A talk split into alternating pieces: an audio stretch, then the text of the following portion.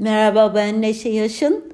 Aynı Deniz'in kıyısında başlıklı bu podcast serimizde Akdeniz ülkelerine ve oradaki şairlere doğru bir yolculuk yapıyoruz.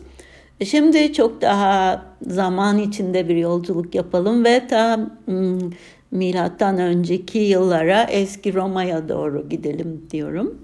E, size iki şairden e, söz edeceğim eski Roma'da.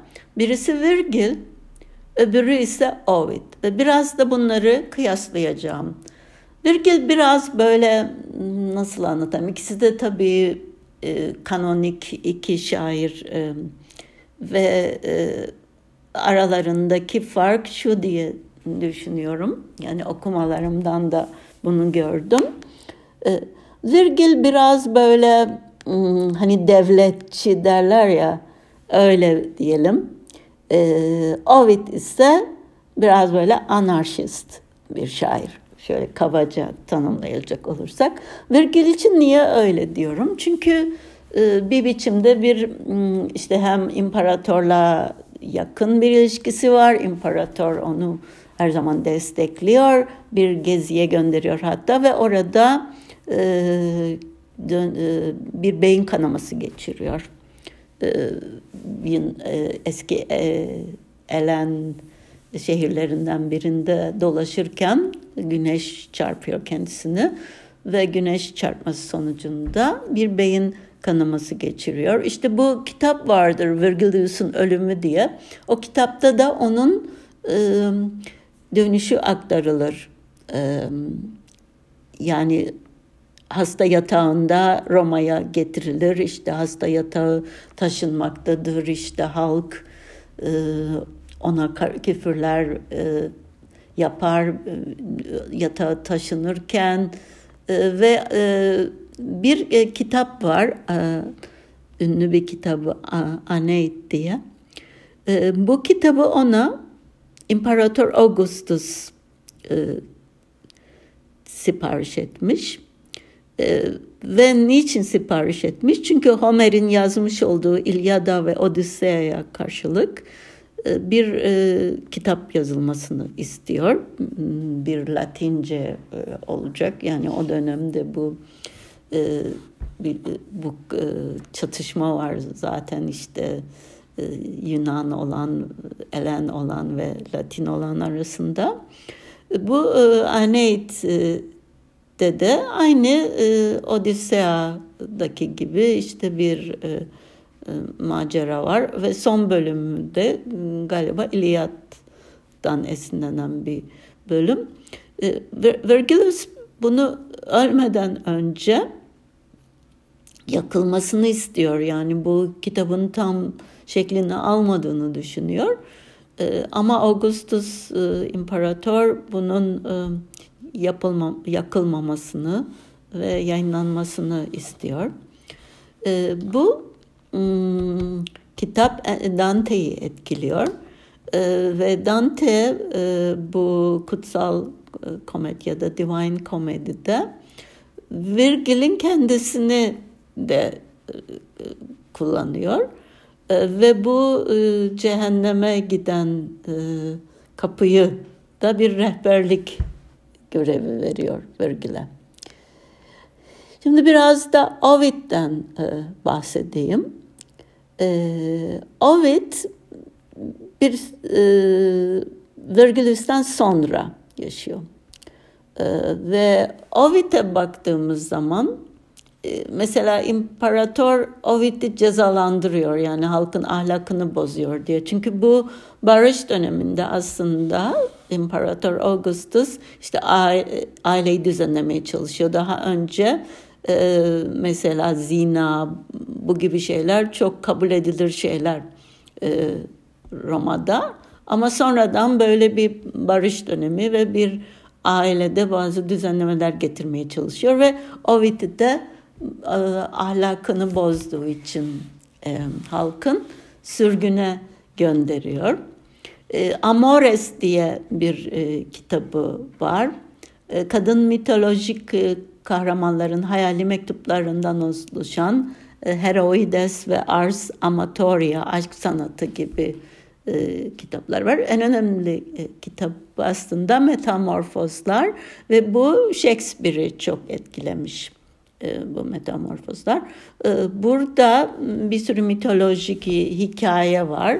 Bu hikayelerden biri de İstanbul'daki ünlü Kız Kulesi hakkındaki e, Hero, Hero ile Leandros hikayesi de bu metamorfozlarda var.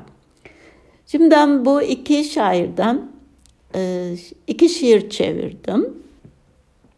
Bana sorarsanız ben Ovid'ciyim.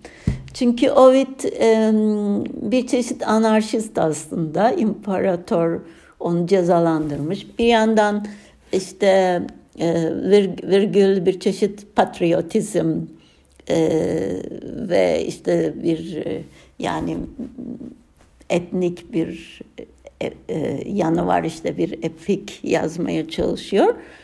Ama bir, Ovid dediğim gibi biraz anarşist. Şimdi e, şeyle ilgileniyor daha çok aslında Ovid. E, bu e, vatanla ve dan çok büyü ve seksle ilgileniyor. E, ve daha böyle arzuya ilişkin insan ruhunun, insanın e, anlamaya yönelik e, şeyler yazıyor. Daha dişil bir bakış açısına sahip. Böyle bir karşılaştırma yapabilir miyiz? Bilemiyorum. Benim çok mütevazi okumalarımdan bunu gördüm.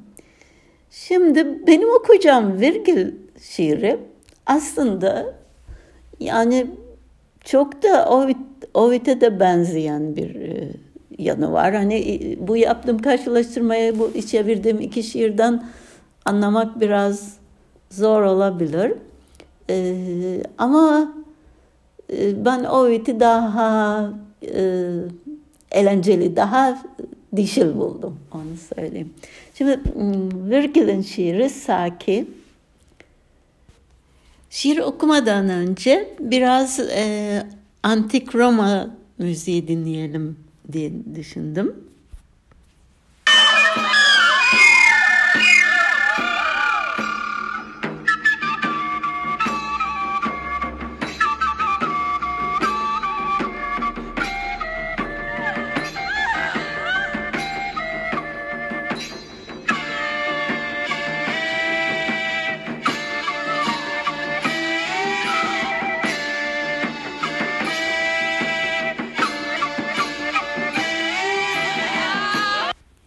Saki Ey boyalı saçlı Asur'dan söz kız. Kim öğretti sana yanlarını böyle sallamayı titreyiş ve silkeleyişle? Tavernanın dumanlı havasında dans ediyorsun esrik, iffetsiz fahişe, kastaniyetlerin çınlayan sesinde. Niye kalmalı her şeyin solduğu o tozlu sıcakta? Gel buraya, uzanıver ve sarhoş ol bu esnada. Seni aptal.'' Bak maşrappalar, fincanlar, kaseler, güller, flütler ve kanunlar ve bir kameriye çardak kamışlarla gölgelenmiş serince. Pan'ın mağarası gibi müzik dolu bir mağarada uzanabilirsin. Saçların açık göklerin şeritleri misali. Az bulunur şarap zifli fıçıdan devşirilmiş ve zırvalayarak, homurdanarak akar su yolunca.'' Bak çiğdemlerden çelenkler ve menekşe işlemeler, altın bal topu gülün kızıl rengine karışmış. Ahelios'un bakır derisinden getirilmiş. Söğüt dalı sepetlerde zambaklar, senin için hepsi. Bak küçük peynirler kuruyor hızla sepetlerde ve güz havasının tatlılığından gelen erikler, kestaneler ve elmalar keyifle sulanmış bir kırmızıyla.'' Bak güzel Seres ve aşk ve Baküs hep birlikte. Bak kızarmış böğürtlenler, durgun salkın üzümler, deniz yeşili hıyarlar gölgeliklerin dal uçlarından sarkıyor. Bak çardak tanrısı Söğüt çengeliyle tehditler savuruyor ama o berbat orta yeriyle bile korkutamayacak bizi. Buraya gel serseri, küçük popo terler ve o bayılır. O küçük popo Vesta'nın kendi sevgilisi, yedeği yani. Cırcırlar çaldıkları dağıtıyor tiz şikayetleriyle. Kertenkele pusuya yatıyor güzelce bir içki hanında. Akıllı ol ve bir kadeh şarapla ıslat sıcağı ya da bir kristal fincan nasıl seversen şarabı. Uzan asmanın gölgesine ve bırak geçsin yaz saatleri ve bırak güller sansın onaylayan başını. Evet, kopar öpüşleri ağzı açık birinden incelikle. Ölsün sorgulayan kaşlarla somurtan dostlar. Niye saklamalı çelenklerini kör karılışına küllerin? Mezar taşın değil, hayatını sarsın güller. Yerin dibine batsın gelecek. Şarap ve zar kutusunu getirin buraya. Seni öpmeye geliyorum demekte ölüm ve kulağıma çimdik atmakta. Evet virgül bu milattan önce 19 ve 70 yılları arasında yaşamış virgül.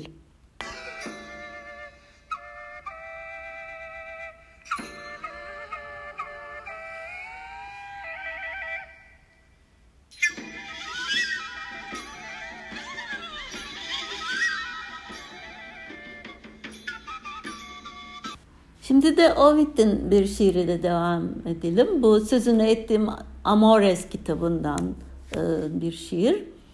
E, tabii bütün bunlar bu tamamen e, işte Hristiyanlık öncesi, o Hristiyan Püritanizmin gelmediği e, dönem.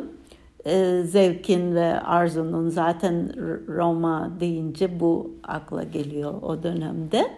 E, Ovid'in Amores'i de bu döneme ait bir şiir ama bu kitaptan sonra dediğim gibi imparator halkın ahlakını bozuyor diye onu sürgüne gönderiyor. Gracinus, itham ediyorum seni. O dikkat çekici açıklaman için. Kimse sevemez iki kızı aynı anda. Güvendim sana ve almadım gardımı. Sonuç utanç verici fazlasıyla. Çifte bir aşk hayatı.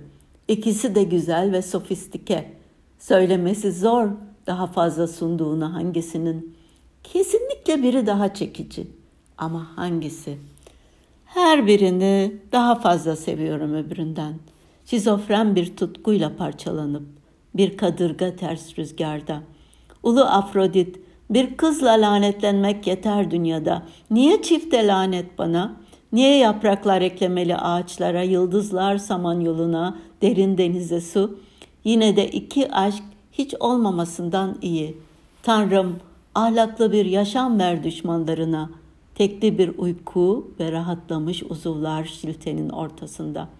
Ama merhametsiz aşk ver bana uykularımı bölmek için yatak arkadaşlığıyla.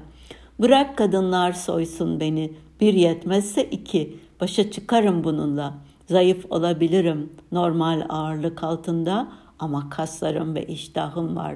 Zevkü safa küvetlendirir beni. Vaki değildir düş kırıklığına uğrattığım bir dişiyi. Evet bu da Ovid'den bir şiirdi. Ee, aynı denizin kıyısında antik Roma'ya doğru uzandık.